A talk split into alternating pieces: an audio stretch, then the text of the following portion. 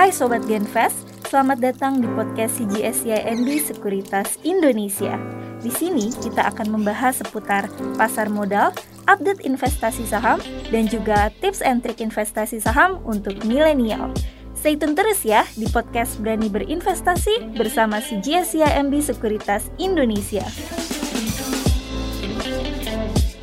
Halo guys, ketemu lagi di podcast Berani Berinvestasi bersama CGS CMB Sekuritas Indonesia. Kali ini kita akan membahas bagaimana strategi jelang akhir tahun. Nah tentunya bersama saya Kevin Judo Barat dan partner saya yaitu Fanny Suherman. Nah sebelum menyapa Fanny Suherman saya memberikan informasi terlebih dahulu terhadap promo-promo menarik di CGS CMB Sekuritas Indonesia yaitu adalah membuka rekening saham syariah dengan RDN CMB Niaga Syariah selama periode tanggal 23 Agustus sampai dengan 31 Desember 2022 kamu berkesempatan mendapatkan voucher investasi sebesar Rp50.000 dan tentunya pajak akan ditanggung oleh pemenang. Itu yang pertama. Yang kedua adalah teman-teman juga bisa lihat uh, promo dari free broker fee bagi nasabah syariah yang buka rekening saham syariah dengan melakukan transaksi saham buy secara online dan tidak termasuk living fee hingga 31 Desember 2022. Nah, teman-teman bisa lihat data detailnya di www.cgs-cmb.co.id. Demikian untuk promo-promo terkait dari CGS CMB Sekuritas Indonesia. Nah, mungkin kita akan langsung saja untuk ngobrol-ngobrol bersama Fani Suherman. Tentunya saya nyapa dulu ya. Yuk. Hai Fani.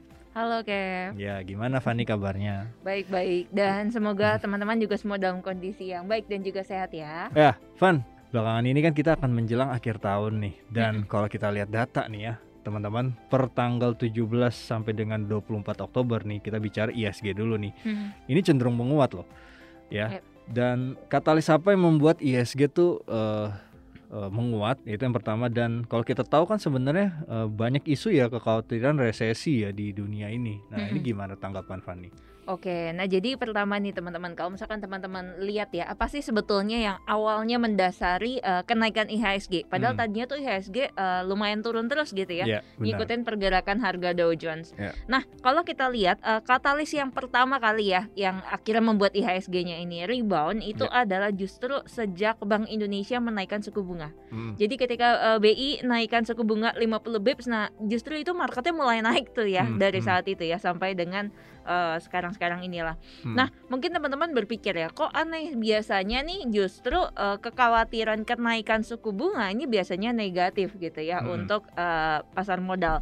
Nah, uh, dan kalau kita lihat contohnya aja nih misalkan Dow Jones ya. Kemarin tuh ketika uh, khawatir bahwa memang The Fed ini akan cenderung secara agresif gitu ya, naikkan suku bunga. Nah, ini yang membuat uh, Dow Jones-nya koreksi gitu. Nah, hmm. Nah, cuma ini sekarang kok kebalikannya kalau kita lihat ya. Hmm. Nah, Uh, jadi kalau teman-teman lihat kenapa bisa dianggap justru uh, kenaikan suku bunga Bank Indonesia ini malah positif gitu ya hmm. ditanggapi market.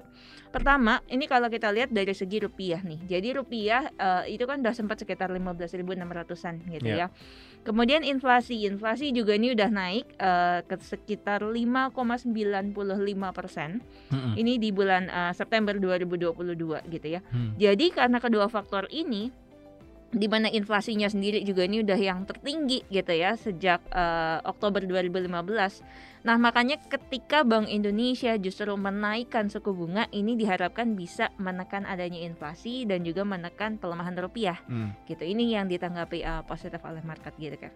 Oh, jadi yang pertama adalah dari sisi kenaikan suku bunga yang sebenarnya bisa menjadi hal positif bagi yep. penahanan ya, penahanan inflasi dan juga penahanan pelemahan dari rupiah, rupiah. ya Van ya. Yep.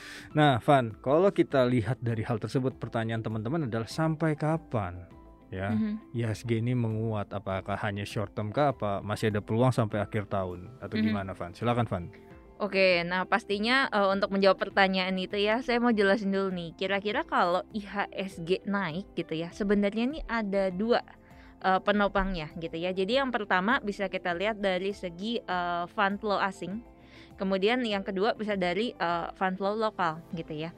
Nah, kalau kita lihat dari uh, flow asing dulu nih teman-teman ya. Jadi sepanjang satu bulan terakhir itu memang asing nih masih membukukan net sale kurang lebih tuh sekitar 4 triliun gitu ya. Dan baru sekitar satu minggu terakhir aja nih uh, asing baru ada net buy itu kurang lebih sekitar satu triliun gitu ya. Jadi uh, memang udah mulai agak masuk nih gitu ya dari sebelum sebelumnya sempat net sale-nya lumayan. Nah, kemudian kedua kalau kita lihat dari segi uh, fund flow lokal gitu ya. Jadi uh, kalau kita lihat fund lokal ini biasanya secara average ini mereka tuh taruh uh, posisi cash itu kurang lebih sekitar 14%. Nah, uh, belakangan kalau misalkan kita cek itu posisi cash dari uh, fund flow yang lokal gitu ya, itu kurang lebih udah berkisar 19%. Nah, ini artinya apa? Artinya sebenarnya masih ada room nih untuk adanya uh, window dressing seperti itu ya. Kalau tapi dengan syarat kondisi makronya stabil. Oke, jadi gitu. catatannya ya. Yep. Intinya kalau kondisi makronya stabil dan mm -hmm. tentunya ada ruang lah ya kalau tadi yep. kita perhatikan penguatan itu sampai di akhir tahun. Yep. Nah, Van uh, tentunya nih Van saya lihat data ya Van ya. Nih kalau kita lihat nih local fund ini jaga-jaga cash nih karena jaga-jaga juga market akan potensi koreksi kah. Uh, uh, pandangannya Van nih ngelihat data hal ini gimana nih Van local fund ini? Oke, Nah, uh, mungkin ya fund ini biasanya nih kalau kondisi marketnya memang lagi agak kurang stabil gitu ya. Yeah. Mereka nih harus nyiapin cash yeah. gitu. Buat apa? Untuk jaga-jaga kalau misalkan ada redemption. Mm. Jadi kalau ada redemption mereka tetap uh, ada cash gitu kan ya mm. untuk uh, bayar itu. Mm. Dan uh, kalau kita lihat kenaikan IHSG belakangan ini juga memang moga-moga ini mengindikasikan gitu ya. Mm. Selain tadi ada asingnya yang udah mulai masuk, nah mm. ini moga-moga juga uh, lokal fundnya juga ini mulai nimbrung di sini gitu oh, gitu ya. Okay. Jadi ini bisa uh, menjadi salah satu katalis uh, positif juga nih untuk kenaikan dari IHSG. Kurang lebih gitu kan. Kalau tadi bicara tadi uh, intinya mereka juga udah mulai uh, masuk lagi nih ke pasar. Mm. Nah, bisa di-spill nggak saham-saham yang dibeli oleh uh, fund lokal ya dan juga mm -hmm. uh, investor asing mungkin ya. Yep. Oke, uh, untuk asing dulu nih ya. Jadi asing dalam satu minggu terakhir di mana net buy-nya tadi ya sekitar satu triliun, mereka beli ke mana sih? Mm-hmm. Nah mereka tuh beli ada BBCA, kemudian ada Mandiri ya, mm. ada Unilever, uh, Pegas dan juga ITMG gitu. Dan uh, ini kalau kita lihat memang masuknya mulai ke arah big cap ya. Nah, kemudian untuk lokal sendiri nih, jadi kelihatannya mereka memang lebih overweight ini ke arah jasa marga, kemudian ada Emior, hmm. Excel, uh, kemudian ada Pegas dan juga SRTG. Hmm. Nah, uh, dan mereka juga itu sangat uh, apa ya taruh kepemilikan yang cukup besar di big banks nih. Oke, okay, Tapi balik ya. lagi uh, memang karena fund itu kan di cap gitu ya, hmm. kepemilikannya nggak boleh lebih dari 10%. Nah, hmm. itu mereka maksimumkan uh, kepemilikan di big banks sekitar 10% lah gitu. Oh. Kurang lebih ya. Okay. Seperti itu sih. Nah, kalau tadi kan kita bicara dari big bank sisi asing ya. Mm-hmm. Nah, kalau dari lokal underweight-nya itu uh, saham-saham apa aja yang bisa diperhatikan ya, Van ya? Karena yep. bisa saja uh, harganya kan memang cenderung lagi laggard ya atau bisa dalam penurunan dan ini mm-hmm. juga ada peluang untuk buyback kembali lagi gitu. Nah, itu gimana mm-hmm. tuh, Van? Oke, uh, bisa juga nih ya kalau misalkan teman-teman mau coba jadi contrarian gitu ya. Jadi uh, mereka memang nih masih underweight di mana aja. Yang pertama di ada ACE, kemudian ada AMRT, ada Heal, Arto, uh, MTEK ya, Cepin Java, kemudian ada Mika, Asa, uh, Bevin dan juga KLBF seperti itu ya. Tapi sekali lagi kita emang nggak bisa nih cuma uh, mengandalkan oh ini udah underweight banget atau udah murah banget gitu ya. Uh, kemudian kita beli dan berharap dia langsung naik.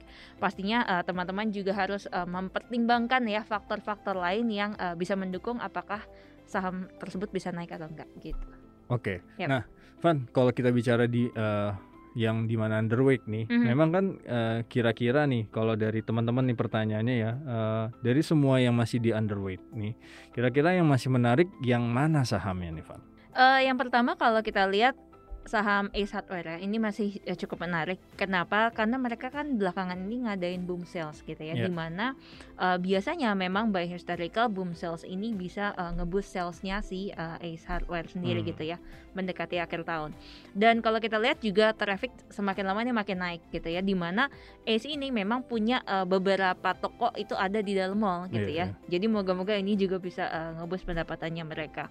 Hmm. Nah kemudian ada lagi Cepin dan Java ya Jadi uh, kenapa ini menarik diperhatikan? Karena kalau kita lihat nih uh, untuk konsumsi protein yang paling murah di Indonesia itu masih ayam gitu. Hmm. Jadi harusnya uh, dari segi demand ini masih uh, berpotensi.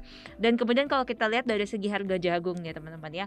Jadi harga jagung ini udah mulai agak turun lagi okay. di mana ini sebenarnya positif nih untuk uh, margin Java dan juga yeah. Cepian ya. Yeah.